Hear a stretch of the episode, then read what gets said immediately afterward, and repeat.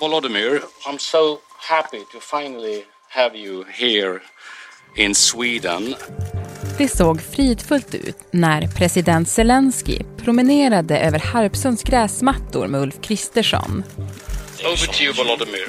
Thanks for being Thank you very much. Thank you, thank you. Förutom en gemensam pressträff blev det också en kort pratstund på tu man hand nere vid sjön. Men bakom Zelenskys blixtvisit i den sörmländska idyllen ligger minutiös planering och ett massivt säkerhetspådrag. Så det är ju helt avspärrat hela det här området. Polisen har väldigt stora avspärrningar, alltså under väldigt stora områden. På en kvart får du veta om arbetet som pågår dygnet runt för att skydda Zelensky från dödshoten han ständigt lever under. Och hur han gör för att klara den enorma pressen. Det är fredag den 1 september. Det här är Dagens Story från Svenska Dagbladet. Med mig, Alexandra Karlsson.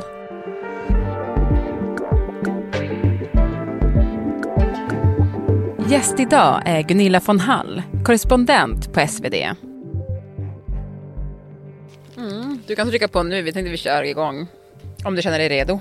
Ja, då kör vi. Toppen. Gunilla, hur förvånad är du över att Zelensky fortfarande lever? Jag får nog säga att jag är rejält förvånad för att ryssarna har ju visat att de har långa tentakler och kan nå sina fiender med missiler, nervgifter, bilbomber, attacker på olika sätt. Så att han har klarat sig så här länge, det är ändå imponerande. Ja, men vi minns ju hur kriget, eller när kriget startade, så var ju Putins första plan att mörda Zelensky och inta Kiev. Ja, då landar ju de här ryska soldaterna med fallskärm i Kiev och de vill då tillfångata Zelensky, hans familj, döda honom. De gjorde två försök att storma hans, presidentens byggnad. Lyckades inte och efteråt så gick då Zelensky ut på gatan och filmade sig i, i trots och så la han ut det klippet. Всім добрий вечір. Лідер фракції тут, голова офісу президента тут, Medan ukrainska trupper då slogs med ryssarna några gator bort. президент тут. Всі ми тут, всі ми тут. Och satte ju verkligen eh, tonen för hans presidentskap som har varit under kriget, får man väl ändå säga. Ja, han har ju varit kvar, stannat i Kiev, på alla sätt sagt att jag åker inte någonstans, jag tänker inte fly. Jag är kvar och styr så gott jag kan och jag är folkets representant och jag ska hjälpa er. Слава нашим захисникам, слава нашим захисницям. Слава Україні! Den ryska planen att mörda Zelensky och inta Kiev misslyckades som bekant. Men försöken att lönnmörda Ukrainas president har fortsatt. Det vi vet är vad den ukrainska presidentrådgivaren Podoljak har sagt att Zelensky har överlevt mer än ett dussintal mordförsök. Och han säger att de får hela tiden larm om att grupper försöker ta sig in i, i regeringsbyggnader och platser där, där Zelensky är. Som i juli i år, då en kvinna greps på bar gärning i Ukraina i färd med att överföra underrättelseinformation till Ryssland. För att kunna attackera och döda Zelensky när han var på besök i Mykolaiv genom ett ryskt luftangrepp. Hon misstänks för att ha besökt olika platser i regionen, tagit bilder och filmklipp och sammanställt en lista med tider och platser för presidentens preliminära resplan. She has said, she's not named, and it's not clear if she's Russian or just a Russian informant. She's said to be a military store uh, worker. Ett av målen var att kartlägga hur hans motorkortege skulle färdas genom stan.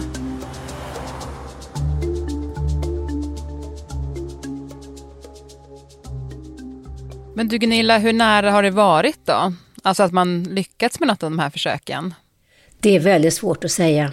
Jag tror kanske inte det har varit så nära ändå för att de har lyckats ingripa och skydda honom. Eh, kanske var den största risken första gången när kriget precis började. Eh, och då de försökte storma byggnaden. Och sen har han ju en armé omkring sig som skyddar honom. Ja, men för det är ju också lite mm, så här med Zelensky, han sitter ju liksom inte bara i en bunker och häckar, utan han rör sig ju otroligt mycket ute bland folk, alltså han träffar soldater på slagfältet, men han flyger ju också och gör besök i olika länder för att be om stöd och tacka för stöd.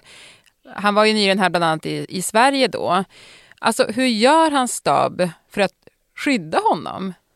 Ja, det är en enorm utmaning. Jag pratar med en del säkerhetsvakter som är, och företag som skyddar högt uppsatta ledare och de, de ser en radda med problem man står inför. Och speciellt som du säger att Zelensky, han är ju ute i offentligheten så mycket. Mm. Och då är det enormt mycket risker han utsätter sig för. Och några exempel är väl transporter. Bilbomber kan vara attentat vid vägspärrar eller tågstationer.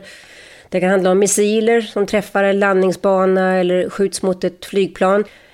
Eh, mobiltelefoner måste, kan ju användas för att fjärrutlösa sprängladdningar. Där måste man använda störsändare eller jammer som det heter.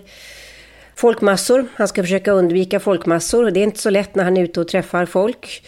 Tiden är också en fara. Han får inte stanna för länge på en enda plats och inte hinna bli måltavla. Mm. Um, en annan risk är ju förgiftning. Där har ju ryssarna visat sig skoningslösa mm. med det här nervgiftet Novichok. Mm. Ja, men till exempel när han var på besök här i Sverige så var ju liksom en stor del av det också att liksom bjuda honom på middag och lunch. Och man ville göra någonting fint som var väldigt så här, typiskt Sverige, en svensk komponerad meny och så. Ja, och jag tror att även speciellt när han är, det kan finnas agenter och andra i omvärlden som försöker då få förgifta honom eller knäppa honom på något sätt när han är utanför Ukraina. Så att om jag var hans säkerhetsstab skulle jag också kolla, vem har gjort maten? Varifrån har den tagits? När har den lagts på tallriken? Jag tror att det här är nitiskt på ett sätt som vi inte anar.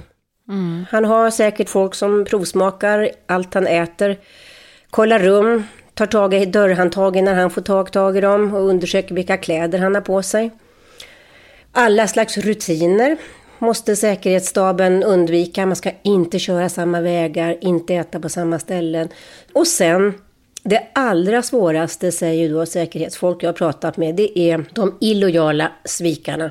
Det är en mardröm för säkerhetsfolk. Eh, och då kan det vara hans närstående som, ja, deras lojaliteter svänger och uppgifter sipprar ut. Mm.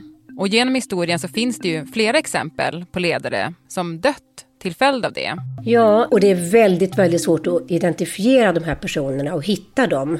Vilka är det som är på väg att byta sida, hämnas eller, eller köpas upp?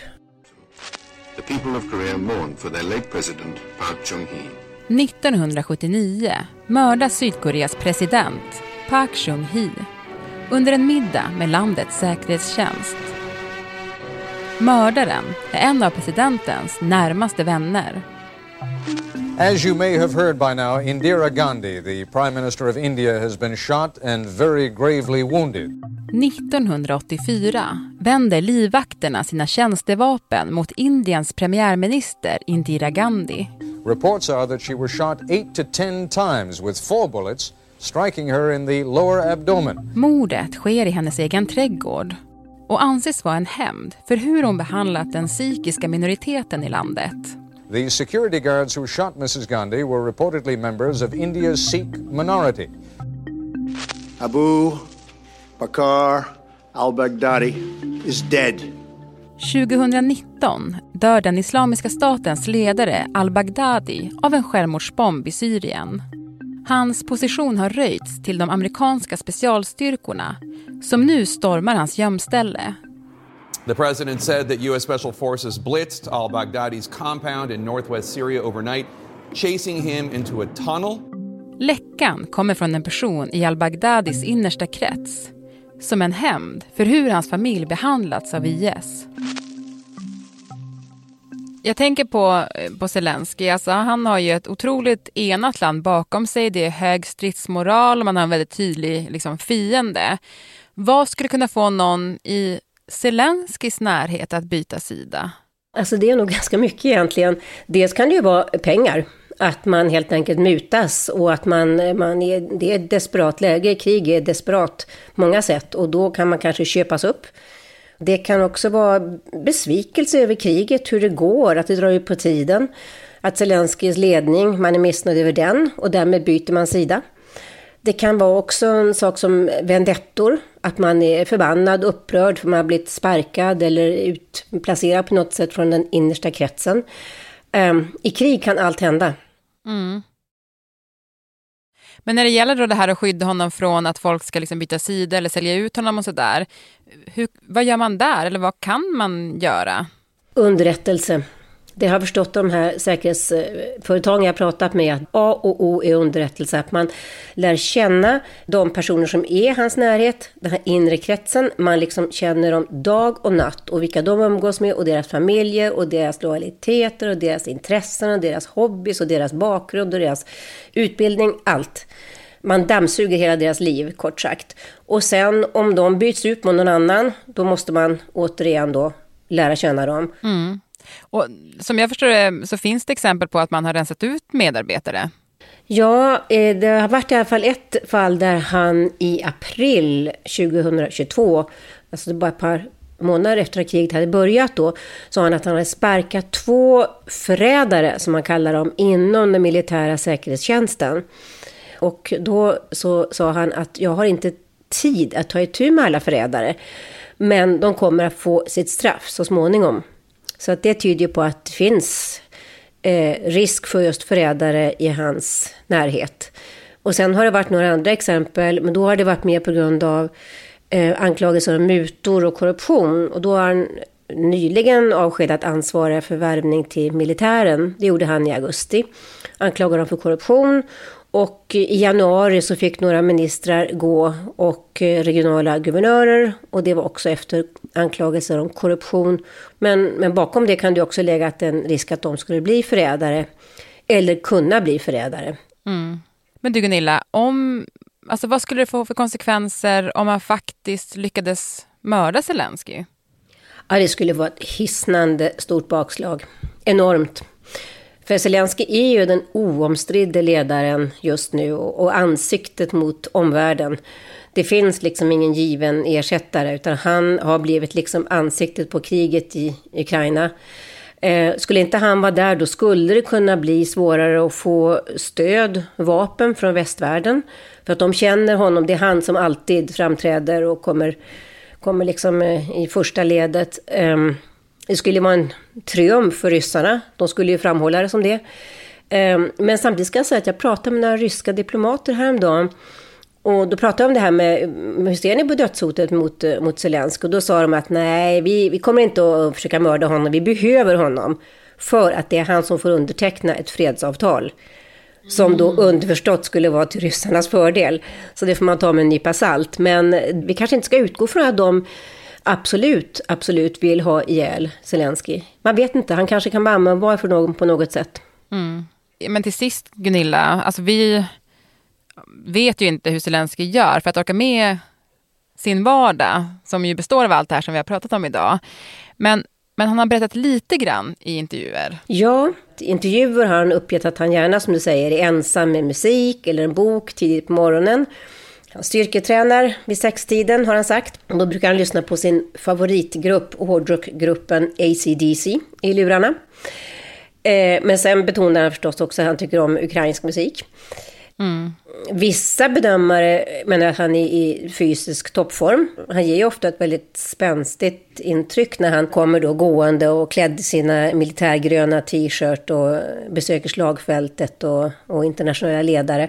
Andra har ju påpekat att han ser sliten och trött ut och har ibland väldigt mörka ringar under ögonen och är några kilo tyngre möjligen. Och det största hotet är väl då att kriget fortsätter fem, sex år till. Och hur ska han då hålla både fysiskt och mentalt? Man får liksom inte... Ja, han måste fortsätta på den här vägen som han är nu.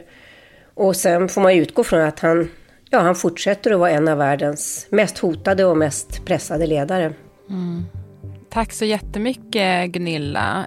Eh, jag ska också säga att du, jag har skrivit en text om exakt det här hur Zelensky skyddas, men också liksom hur han kan tänkas göra för att hålla sig i form mentalt. Och den kan man läsa på svd.se.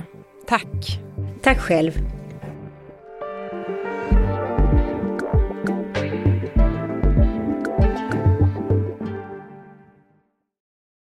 Moa Larsson producerade dagens program och Stina Fischer var redaktör.